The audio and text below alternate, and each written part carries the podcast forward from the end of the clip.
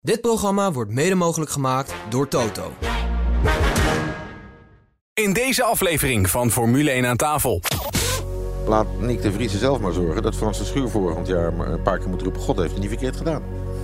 En daar ben jij ook niet bang voor, toch? Want, uh... Nee, nee, nee. Maar ik ga er niet van huilen hoor. Dus in dat opzicht hoef je daar Nee, niet dat- bang dat voor is te geen zijn. verrassing. Nee, nee. Dit en nog veel meer in het komende half uur. Formule 1 aan tafel wordt mede mogelijk gemaakt door Jacks Casino en Sports. Hallo iedereen, eh, Max Verstappen hier, wereldkampioen Formule 1 en je luistert naar Grand Prix Radio. Max Verstappen is wereldkampioen Formule 1 2022. We zagen het maandenlang aankomen, maar het mooie is dat we het op het moment suprême niet echt zagen aankomen. Verder speelde Perez toch weer een sleutelrol, zagen we een woedende Pierre Gasly en het is rond. Nick de Vries rijdt Formule 1 in 2023. Welkom bij aflevering 41, jaargang 4 van Nederlands grootste Formule 1 podcast. Vanuit de Harbor Club in Ik ben Mattie Valk en dit is Formule 1 aan tafel. Er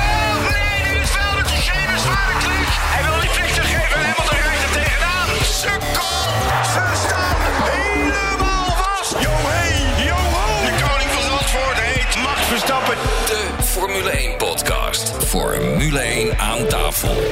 Bij ons vandaag, hij is eh, radio-dj bij Radio 10, politieman en groot Formule 1-liefhebber Rob van Zomeren. Rob, van harte welkom. Ja, en van harte gefeliciteerd jullie allemaal gefeliciteerd. natuurlijk ook. Ook mensen die luisteren, van harte gefeliciteerd met de nieuwe kampioen. Nou, eh, je zegt iedereen gefeliciteerd. Jij gefeliciteerd, Rob, met Wat? je 30-jarig jubileum Ja. als Ja. radio-dj. Ja. Ja, Ja. zeg, zeg. Nou, zelfs dat is nog wat langer. Het is 30 jaar zomertijd.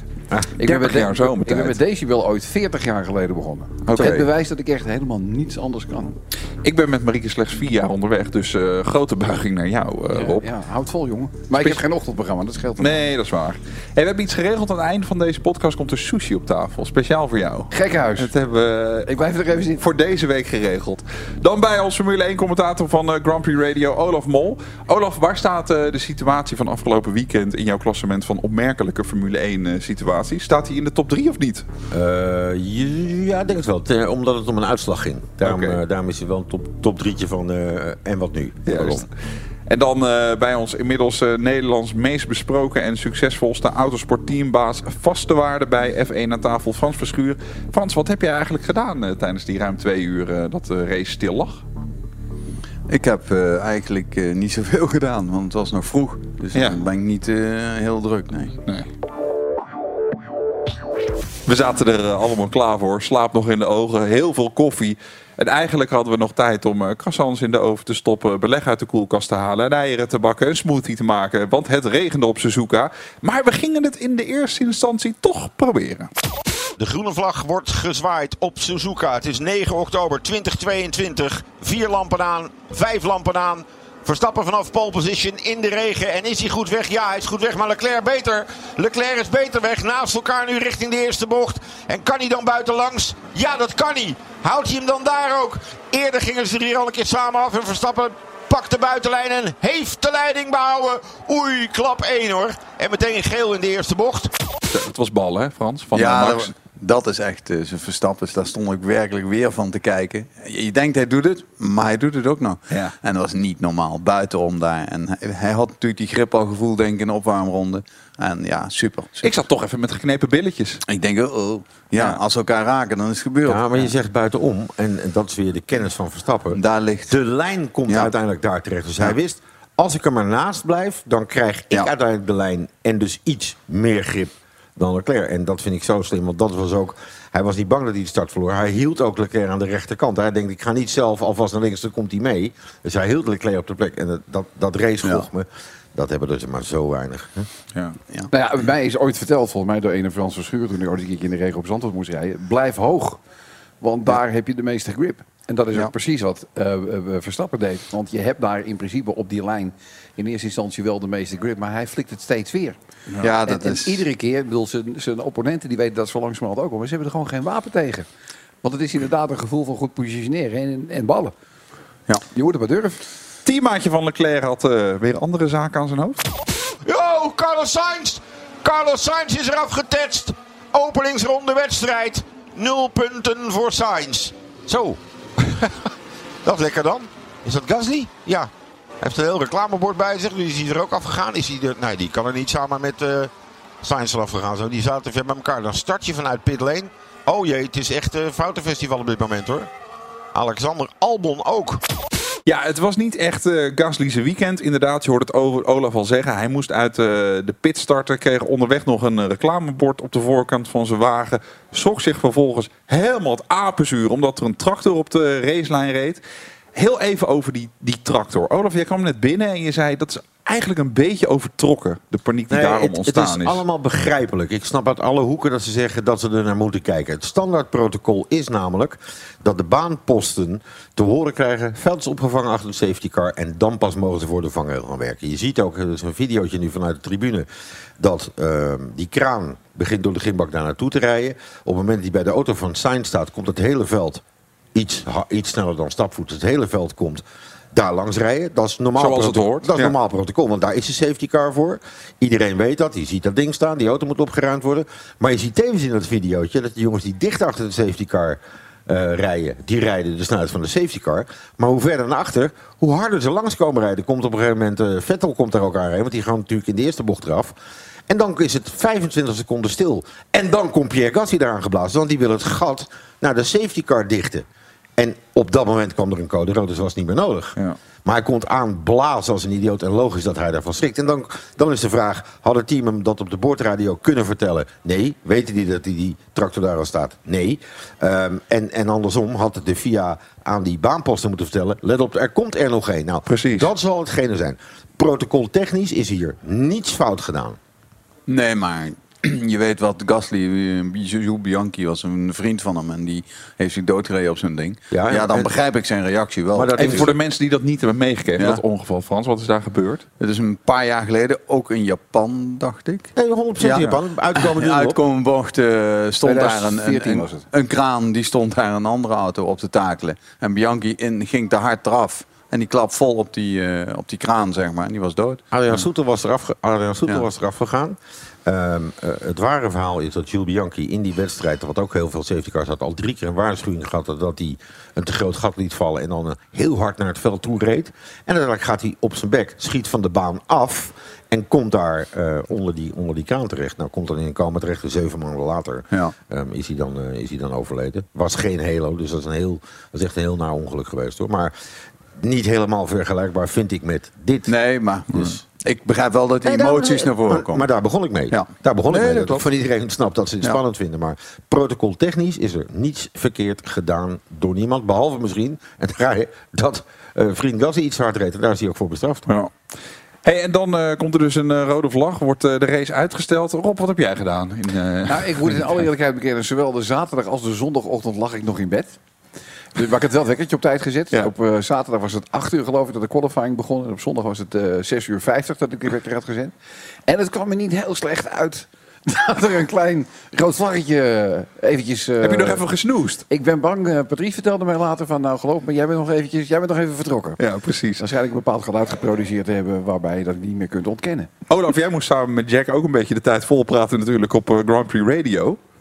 Ja, inmiddels ben je natuurlijk wat behendiger in geworden door al die jaren heen. Maar ja, waar heb je het dan over? Want het Dus- duurde nogal. Ja, dat is wel de langste die ik gedaan heb. Ik, ik heb er, ik heb er ooit Spa was ook een, eh Nee, ieder maar daar goede daar- tweeën. Ja, nee, nee, nee. De, de Canada zat daarvoor. Heeft ooit een, Ja. een rode vlag gezeten. Die wedstrijd die Jensen Butler uiteindelijk wint van 2 uur en 4 minuten. En dit was dus uiteindelijk, eh, wat was het, 130 minuten. 130, ja. Dat is ook eh, 2 uur en 10 minuten. Dus eh, ja, dat gaat voorbij zoals het voorbij gaat, weet je. Ik bedoel, en het grappige is, voor mensen vragen, ja, maar hoe dan? Ja, ik, ik zeg wel, dat heb ik tegen Jack ook gezegd. Alles is een verhaal. Dus uiteindelijk zie je daar die Gasly en dan zie je Fabiana lopen. En denk je, oh ja, Fabiana.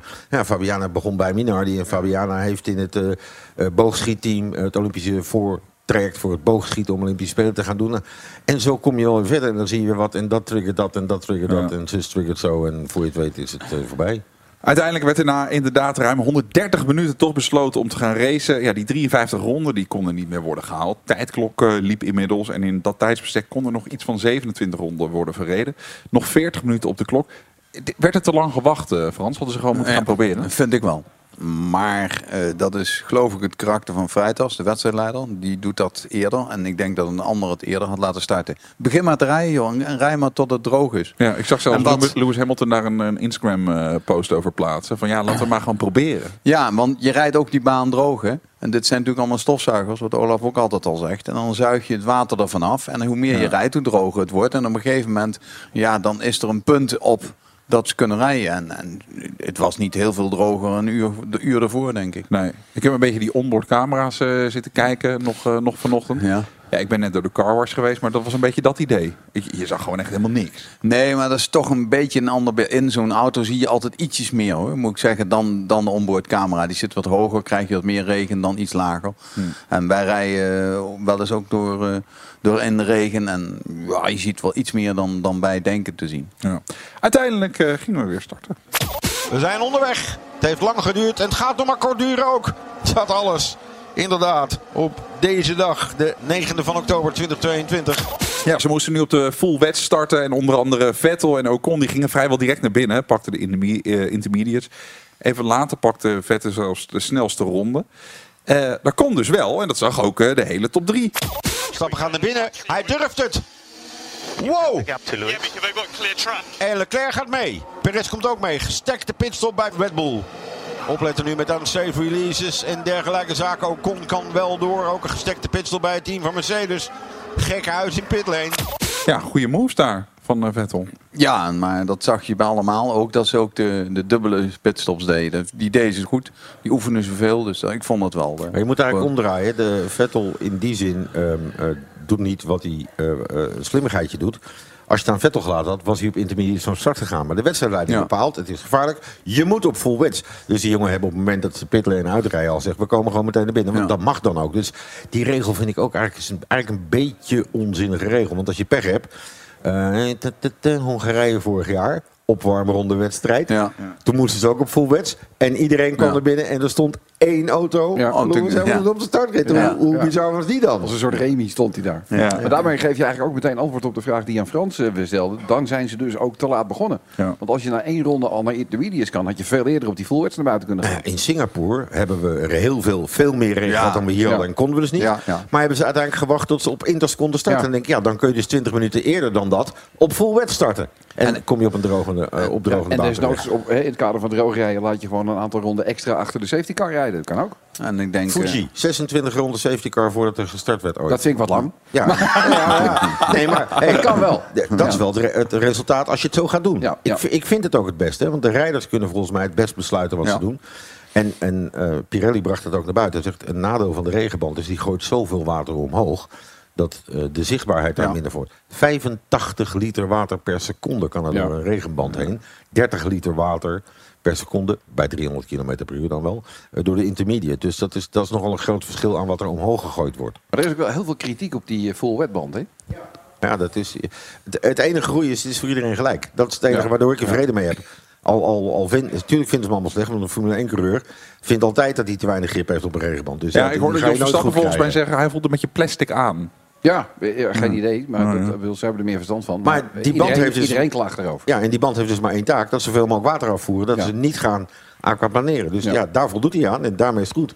Alonso lag nog even op kop, maar met nog eh, 33 minuten te gaan eh, pakte Max de kop weer terug, gevolgd door Leclerc en eh, Perez. Dus ja, we zien dan achter die top 3 echt een fantastisch gevecht tussen Hamilton en eh, Ocon. Ocon die liet Hamilton eh, de mooi niet langs. Is toch prachtig hè, zonder DRS, eh, Frans. Ja, ik vond eh, Ocon ook de rijder van de dag. Ja. En dat was echt, eh hij denkt, hoezo Hamilton? En dat, dat is, kon je zien dat die jongen toch wel kan rijden, en zeker ook in de regen. Je ziet er soms meerdere rijders die zeg maar in de regen wat makkelijker eh, zich kunnen vertonen hoe ze zijn. Dan, De start dan van Lance wat- Stroll bijvoorbeeld. Ja, nou, die had ook even daar langs die muur van, eh, ja, ja, Ja, hè? we hadden er zeven in, op die manier. Ja. Waanzinnig. Ja, waanzinnig. Ja. Ja. Maar ook eh, Perez en Leclerc, ja, die, eh, die vochten echt als leeuwen voor eh, plekje nummer 2. Terwijl Max eigenlijk ongezien door de camera's over de finish komt, gebeurt er dit. Finish bijna gemist door de wedstrijdleiding. Finish bijna gemist door Ron en iedereen. En Leclerc schiet nog even rechtdoor. Leaving the track and gaining an advantage. Gaat hij dat nog krijgen? Oh! Wheelbanger richting de finishlijn tussen Leclerc en Perez. Maar voorlopig wordt Leclerc tweede. Gary Connolly zit daar. Dus dit is eenzelfde interactie die Verstappen ooit deed op Kimi Räikkönen in Austin. Maar hij zat er al voor. Hij haalde hem daar niet in. Maar misschien leaving the track and gaining an advantage. Wie zal het zeggen? Ja, en daar werd dus het wereldkampioenschap beslist. Maar dat wisten we toen nog niet. Zometeen praten we verder eh, na de break. We spelen ook eh, Raad het autogeluid. Je kunt winnen een volle tank brandstof voor je auto en een Flitsmeister toolpakket. Een vraag van Arie van Wingerden, die gaat over eh, de banden. En Niek de Vries, die heeft eindelijk zijn stoeltje in de F1. Tot zo. Stap overal in de wereld van Jacks.nl. Check out, check in. Ontdek een wereld aan sportweddenschappen, roulette, blackjack en nog veel meer casinospellen op Jacks.nl. Jacks Casino en Sports. You're welcome. Wat kost gokken jou? Stop op tijd 18+. Plus. Think, Tink, Max Korting. Profiteer en race nu naar Tink.nl.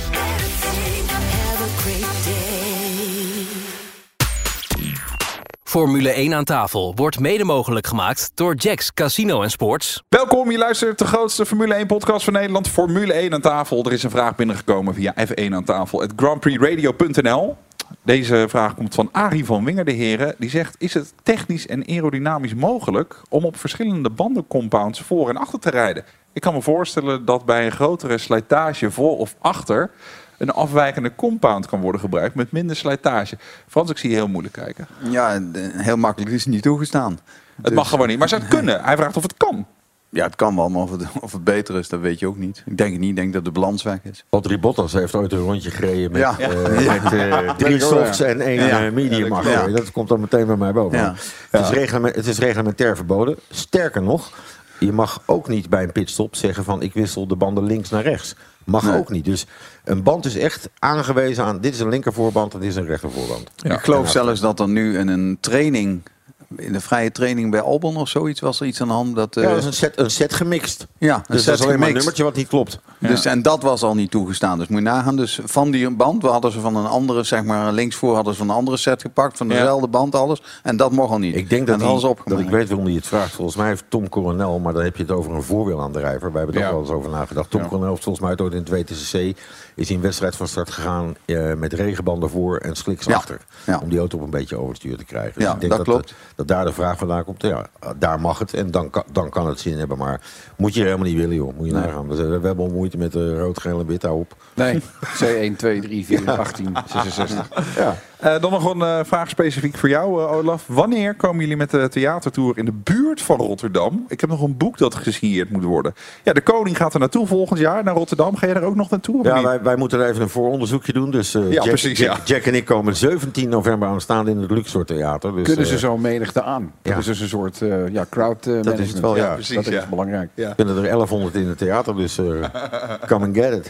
Heb je ook een vraag, mail die dan naar F1 aan tafel. grandprixradio.nl. Hoor je misschien al in de volgende podcast? Ja, lange tijd leek het erop dat eh, Max Verstappen een punt tekort zou komen voor het wereldkampioenschap. Ook omdat eh, lange tijd onduidelijk was of er volledige punten uitgedeeld zouden worden. Er werden namelijk 28 ronden gereden en dat is omgerekend 52% van de race. Daardoor dacht eigenlijk iedereen, inclusief Max zelf, dat hij 19 punten zou krijgen voor de race. En Perez en Leclerc 14 en 12. Hij zou dus een punt tekort komen. Nou, iedereen heeft het gezien. Tot in de green room eh, leefde hij eigenlijk met het idee en met de veronderstelling dat hij nog geen kampioen was geworden. En uiteindelijk was hij het dus toch. Eh, Rob, wat dacht je? Wat deed je? Want ik, ik vond het surrealistisch. Ja, ik dacht, ik hoop niet dat Johnny Herbert een geld maakt. Ja. Dat was, dat Ja. was het eerste. En wie, wie heeft hem dat ingezeind? Want je roept natuurlijk nogal iets. Ja. Ten overstaan van dat miljoenen publiek. Volgens mij heeft hij later nog gezegd: ik, ik, ik hoopte zo dat het echt klopte wat ik ja, zei. want toen zij later naar eh, zeg maar die eh, ruimte liepen waar je eens een beetje bij kunnen komen, noem maar op, het heeft een naam, weet ik eventjes niet. Green Room. De Green Room. Ook ik dacht dat het van het Songfestival was. maar eh, toen liep Johnny Herbert naast Verstappen en die zei toen van, ik heb hem echt even geknepen toen iedereen begon van nee, want de math, hè, de, de wiskundig klopt het niet. Eh, maar hij was echt volgens mij echt heel erg opgelucht toen het wel bleek te kloppen. Ik heb vanochtend nog even gecontroleerd hoe het nou precies gegaan is. Ehm, en het heeft te maken met het feit dat ik in principe niet door interviews heen brabbel. Ehm, Max wordt geïnterviewd door Johnny Herbert. Het is geen wereldkampioenschap. Mijn oog staat op wedstrijdleiding. Tijdens dat interview zie ik dat Leclerc teruggezet wordt naar P3. Dat gebeurt dus ook aan de technische kant bij FOM. Max loopt weg. Perez komt eraan. Op het moment dat Max wegloopt en Perez eraan komt, roep ik... de straf. Roep ik, hij is teruggezet.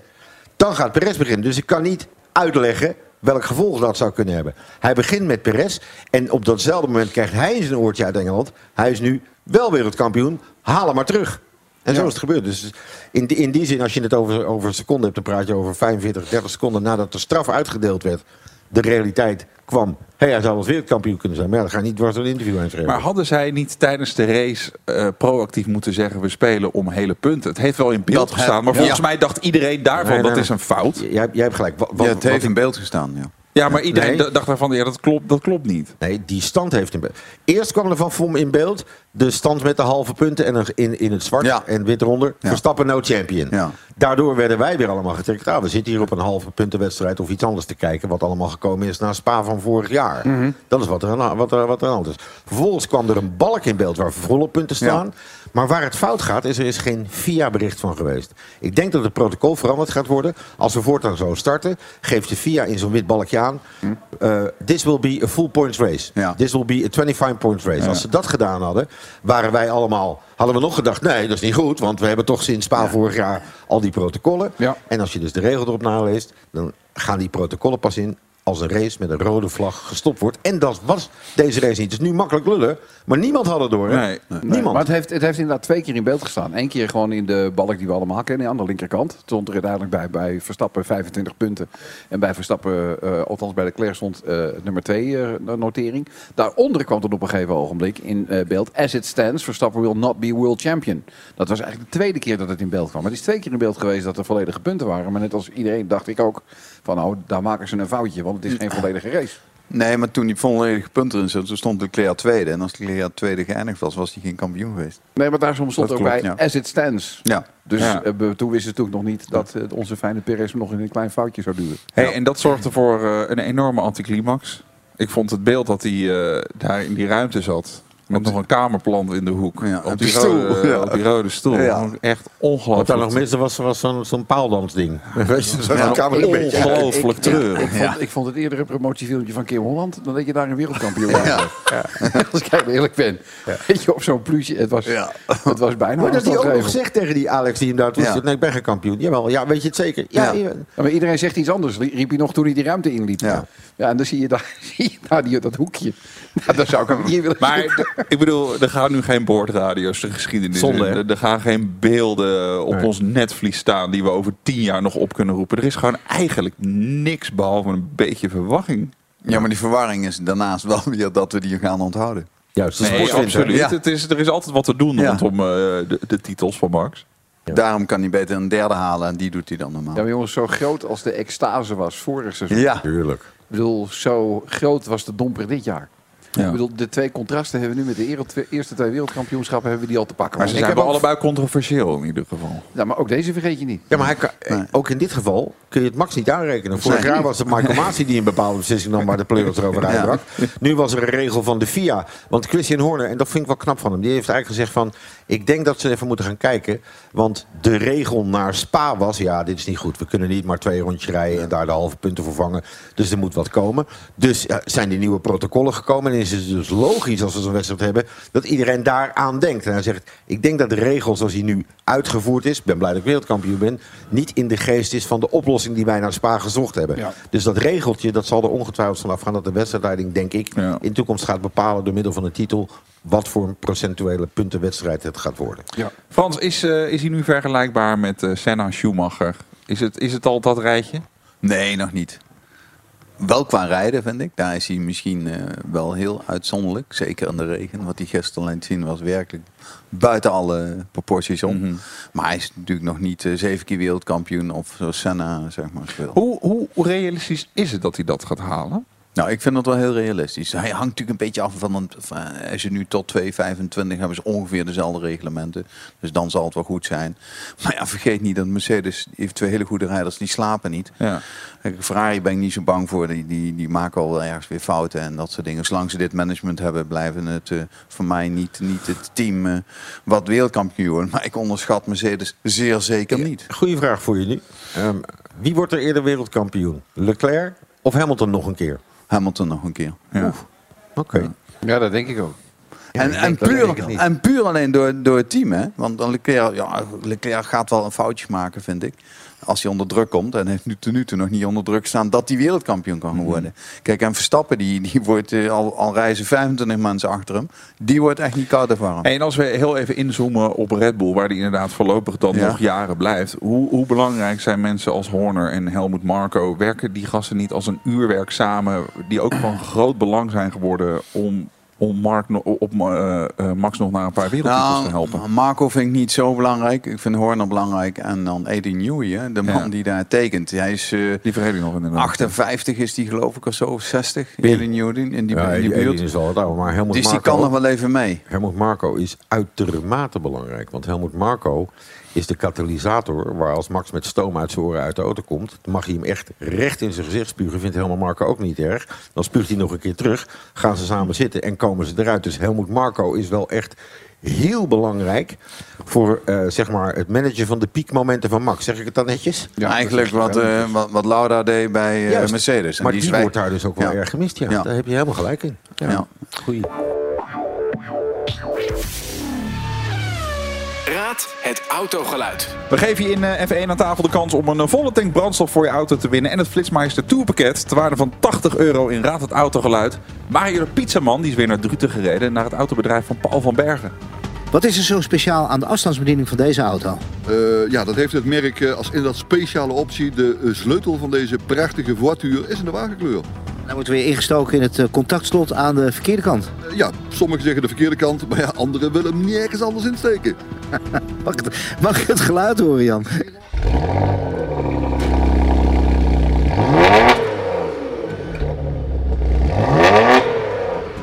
Ik doe het ervoor. Waar eh, vinden we deze auto? Deze vinden we op www.paulvanbergen.nl. Ja, daar vind je hem wel. Nou, je kent het principe, weet je van welke auto je zojuist het geluid hoorde? Stuur dan je antwoord naar F1 aan tafel grandprixradio.nl. Winnaar van vorige week is Mark van Dijk. Het geluid was dat van een Mercedes C63 AMG. Gefeliciteerd eh, Mark, veel rijplezier met je gratis volle tank brandstof voor je auto bij Tink. En je krijgt dus ook het Flitsmeister Tourpakket. De waarde van 80 euro die altijd aanstaat als je gaat rijden. Ik heb koffie gedronken vorige week bij Paul. Kan je ook gewoon doen. Hij heeft een hele lekkere koffie namelijk. Nick de Vries, die rijdt volgend jaar voor Alfa. Helmut Marko, daar is hij weer, heeft aangegeven dat hij in eh Nick zelfs meer een teamleider ziet dan eh, Yuki Tsunoda. Helmut Marko was ook erg te spreken over de boordradio's van eh Nick toen hij in de, de Aston Martin stapte. Hij zegt daarover, ik heb naar de radio geluisterd en de opmerkingen die hij maakte... In de Aston Martin of in de. Williams? Je zegt in de Aston Martin stapt of in de De Williams? Aston Martin. Oh, heeft hij tijdens die vrije training toen uh, Ja. meegeluisterd? Oké. Ook zegt hij eh, tegen Motorsport, eh Yuki is nog jong en heeft die ervaring op technisch vlak niet. Dus Nick kan het team leiden. We zullen zien hoe het volgend jaar in de praktijk gaat. Maar afga afgaande op zijn ervaring en persoonlijkheid zou Nick de teamleider moeten zijn. Zie je dat ook gebeuren, Rob? Weet ik niet. Volgens mij denk ik dat Nick ook wel wat stapjes zelf moet eh, zetten. Ook in zijn hoofd. Weet je, want uiteindelijk wordt de droom nu werkelijkheid. En eh, de lat ligt nogal hoog. Eh, ik vind het cabaretgehalte van Yuki vind ik, enorm hoog. Zeker als ze boordradio's laten horen. De man is echt wat dat betreft. Als het nog een top 3 staat, staat hij echt op één. Ja. En ik vind het ook een beetje eh, surrealistisch om iemand die nu net hè, zijn debuut gaat maken in de Formule 1. Ook meteen vooraf al die rol toe te bedelen. Dat, ik weet nog niet of dat heel slim is. Pressure test noem ik dat. Ja. Ja, het is een soort test. eh, pressure test. Ja. Wat verwacht jij van hem, Olaf? Ja, nee, ik denk dat we heel reëel moeten zijn. En ik, ik denk dat hij gewoon in dat opzicht... eh, hij moet zijn stinkende best gaan doen. Hij moet totaal niet bezig zijn met wat hij allemaal buiten de auto moet doen. Hij moet zich echt enorm gaan concentreren. Dat zal misschien wel een enorme verandering zijn in hoe hij tot op heden gewerkt heeft. En ehm, bewijs maar je ongelijk op je criticasters. Hè, zoals meerdere dat hebben. Hè, die, eh, die ook gewoon geroepen hebben van ja, mensen roepen dit en mensen roepen dat. Laat, maar zor laat Nick de Vries zelf maar zorgen dat Frans de Schuur volgend jaar een paar keer moet roepen... God heeft het niet verkeerd gedaan. En daar ben jij ook niet bang voor, toch? Want, eh, Nee, nee, nee. Maar ik ga er niet van huilen hoor. Dus in dat opzicht hoef je daar Nee, niet dat- bang dat voor is te geen verrassing. Nee, nee, daar ga ik niet om huilen als Nick goed presteert. Dat zou ik heel leuk vinden voor hem. Ik denk dat hij, wat jij zegt, een manager om zich heen moet nemen. En een, een team die heel veel van hem afpakt. Ja. Daarnaast denk ik dat hij fysiek het heel zwaar krijgt. Hij is niet zo sterk als Yuki, die even groot is. Maar ik denk dat hij fysiek niet zo sterk is. Maar hij komt natuurlijk nu wel in dat Red Bull trainingsprogramma. Ja. Hij krijgt de personal trainer toegewezen. En ik weet nog van Max, dat, dat zijn geen cookies die gasten. Dus Nee, dat, nee, nee. Dat kan opgelost worden. Dat moet. Dus dan moet, ik weet niet of hij het figuur ervoor heeft. Of hij dat aan kan natuurlijk.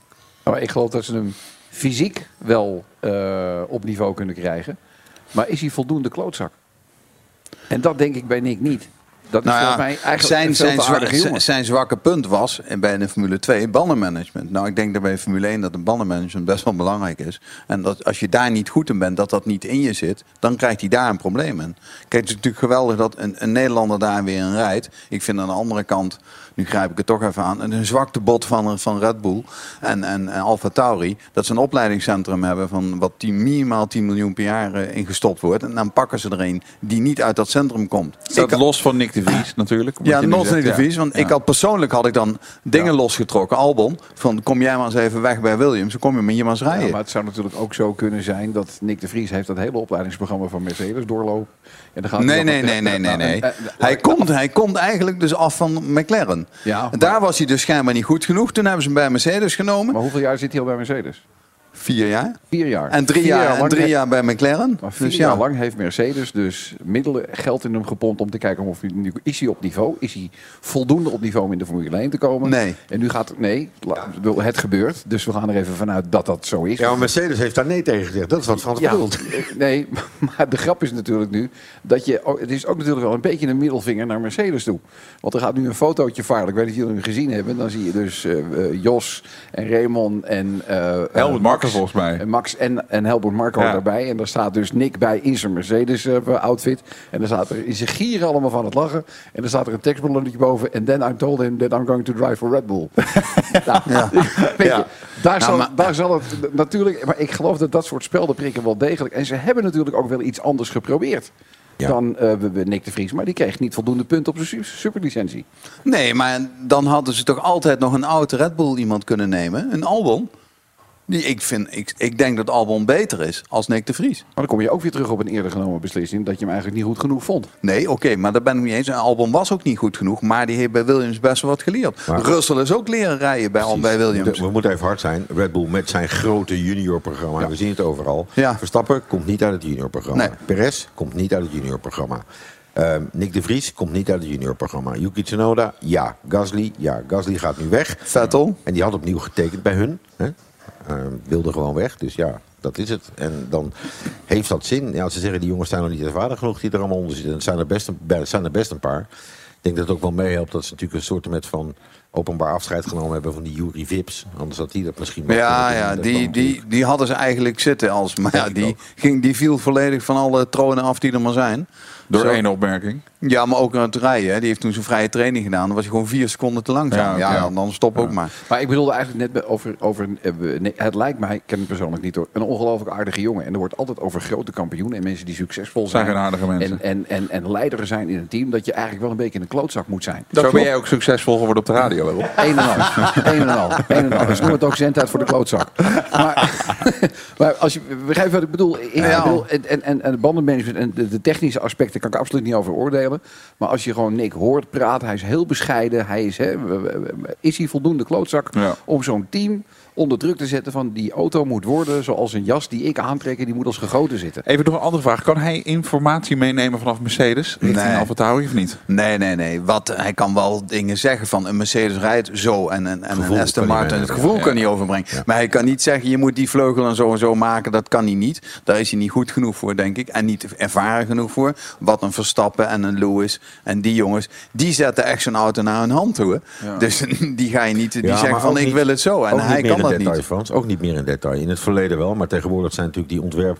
Die ontwerpsystemen Ja, zijn zo ja, ja. groot met CFD dat Verstappen Ja. alleen maar zegt: eh, mijn, eh, als we een update doen, wil ik meer grip aan de voorkant. Ja. Dus die Ja. kunnen heel goed duiden waar ze het willen hebben. Ja. Hoe dat tot stand komt, dat bepaalt de coureur anno nu niet meer. Vroeger, vroeger nog wel. Rob, Rob bepaalde dat wel vroeger altijd. Ja. Dat, dat probeerde ik en de resultaten waren daar ook naar. kan ik niet eens zeggen zonder zelf te lachen. Maar je zat te wijzen. Wat, wil je, wat wilde je zeggen? Je Nou, ik wilde, ik wilde vragen, we hebben naar een auto naar je hand zetten. Nou hebben we in de eh, twee regenstarts gehad, Singapore en eh, we nu hebben we nog gehad. Tot twee keer aan toe klaagt Max steen en been over hoe die koppeling aangrijpt in de regen. Dat het niet werkt, dat het niet goed gaat. Je hoort hem eh, alle keren erop. En als hij dan zo'n auto helemaal naar zijn hand kan zetten, hoe kan dat dan? Hij weet het, hij weet het vooraf. Hij weet het vlak voor de start, hij weet het gedurende het weekend. En toch passen ze het niet aan. Dat Ja, snap ik niet. Ze passen het wel aan, maar het zijn, soft, zijn software momentjes. En ik denk zelfs in de regen dat het bepalend kan zijn op welke plek je je proefstart doet. Als het daar een fractie natter is dan waar je uiteindelijk op je startgrid staat, dan is dat alweer anders. En het goede nieuws vind ik, ehm, dat ik denk, we praten over anderhalf seizoen geleden, had hij op droog regelmatig poepstart. Ja. Die zijn eruit gegaan. Dus ze hebben daar wel degelijk wat weten te vinden. En dat er op nat altijd een Mohamadje zit, die, die in Singapore was ronduit slecht. Die van gisteren was niet eens zo heel slecht, alleen de reactietijd van Leclerc was een fractie beter. En hij had houdt daar degelijk- ook... Hij had wel degelijk last van wielspinnen. Dat Juist. weer nauwelijks. Maar hij houdt daar ook de boel scherp. Hij laat, dat, is, dat, is, dat is precies wat je aangeeft. Een ander zou zeggen, ja, kan gebeuren in de regen. Max zegt, accepteer het niet, moet beter. En dan komen we weer terug op wat jij zei. Een rijder moet een beetje gaaiers zijn, wat ik vind. En, en dat had, ik heb ook veel rijders gehad die echt, sommigen waren gaaiers. En die komen gewoon hoger, want die eisen wat van een team. En ik zie Nick nog niet tegen Jean, dat is- dat Frans is Toos zeggen van je moet dat even veranderen, want ik vind het helemaal kut. Nou, dat zie ik dus als een van de bezwaren tegen... eh, al- althans, tegen de mogelijke problemen waar Nick misschien tegenaan gaat lopen. Gewoon zijn eigen eh, karakter. Doordat eh Nick er gaat zitten, gaat Pierre Gasly naar Alpine op de plek van Gaius. Ja. Fernando Alonso. Ja. Ehm, slimme overstap?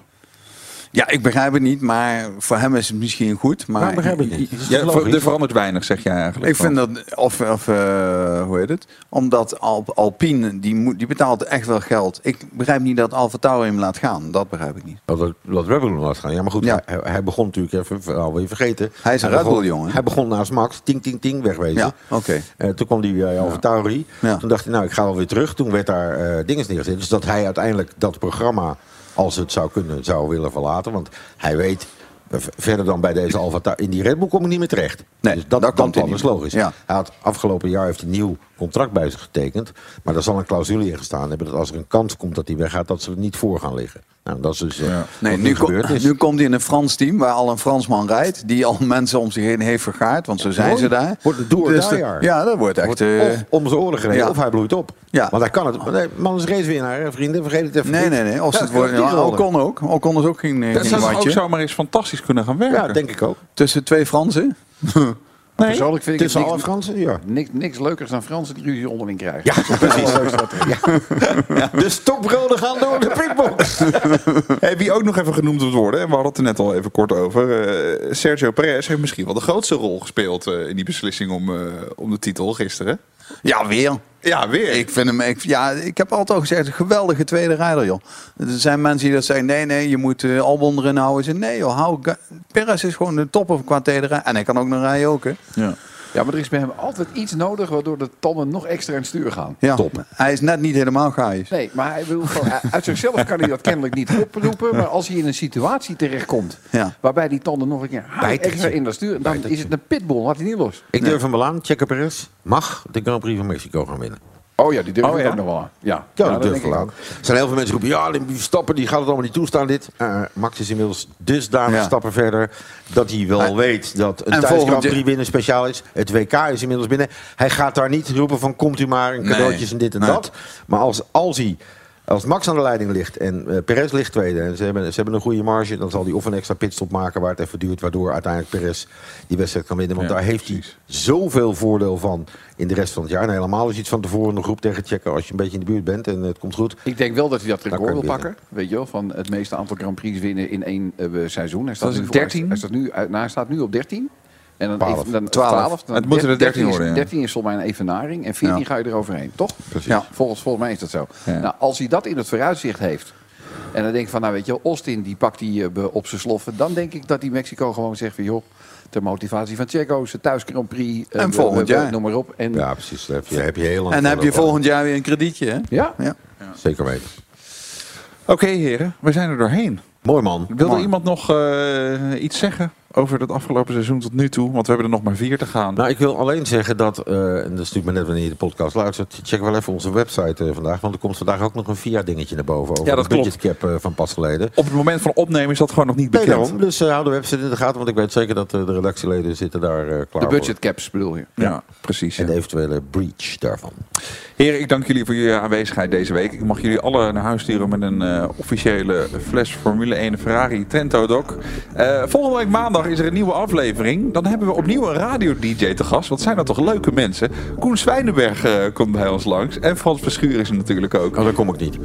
Dit was Formule 1 aan tafel. Redactie Jacques Beumer, Koen Bakker. Vormgeving en montage Marnix Westhuis. Draaiboek Mario de Pizzaman.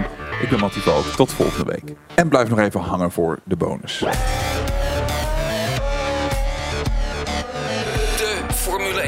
Podcast. Formule 1 aan tafel. Tim van eh, de Harbor Club in, eh, in Vinkenveen. Wat heb je hier voor heerlijks op tafel gezet? Nou, we beginnen weer bij de portie bitterballen voor Olaf. Ja. Daarnaast hebben wij zoete aardappeltaco's met wat avocado en een zoetzuur van pompoen. Dan hebben wij de beef tataki, gemarineerd in sojasaus met rode peper. Onze nieuwe wijze van de Korean fried chicken, gemarineerd in karnemelk, kokosmelk en een hele hoop peper. En de ebimaki roll met salm en teriyaki saus. Tim, onwijs lekker. Dankjewel.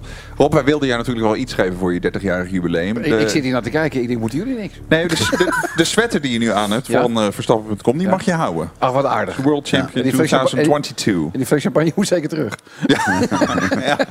Nee, maar het is toch knap, hè? Ik bedoel, Ja, eh, nee, 30 eh, jaar. En dat is een uniek eh, trui erop. Zeker, zeker, zeker. Precies. En ga je het nog vieren eigenlijk, of niet? Is het, Nou, eh, we, we- we- we- kijk, het vervelende is, de officiële datum is 4 oktober 1992. Een Werelddierendag. Is dat eh, bij jou... eh, Nee, Bijlmerramp. Oh, oh, ja, ik, oh. ik deed 's middags voor de allereerste keer Ja? zomertijd. En, en s'avonds kwam dat vliegtuig naar beneden. Ja, en dan kun je natuurlijk onmo- onmogelijk meer praten over een feestdag of iets Nee. waar je een, een, een, een, jeugd- leuk jubileum aan vastpakt. Ja, Dus ja, dat- ja, ja, ja. Dat heb ik eigenlijk nooit eh, we, we, we gedaan. Dus meestal in de dagen daarna in de uitzending, dan staan we er wel een beetje bij stil. Ik heb bij, uh, bij jou altijd een 4 oktober een Werelddierendag. Dat staat bij mij meer op mijn netvlies. Ja, maar het is toch, dat- de 2 oktober is toch geen dat- dierendag? dat zegt 4 ook- oktober. Is het 4 oktober? 4 oktober is Werelddierendag. Ja, Ja, precies. Werelddierendag. Maar dat zegt ook iets over Frans. maar eh, dat is dus de reden dat we op die datum zelf er eigenlijk nooit heel veel in de uitzending mee doen. Ah, begrijp uiteindelijk een jubileum kan je een heel jaar vieren.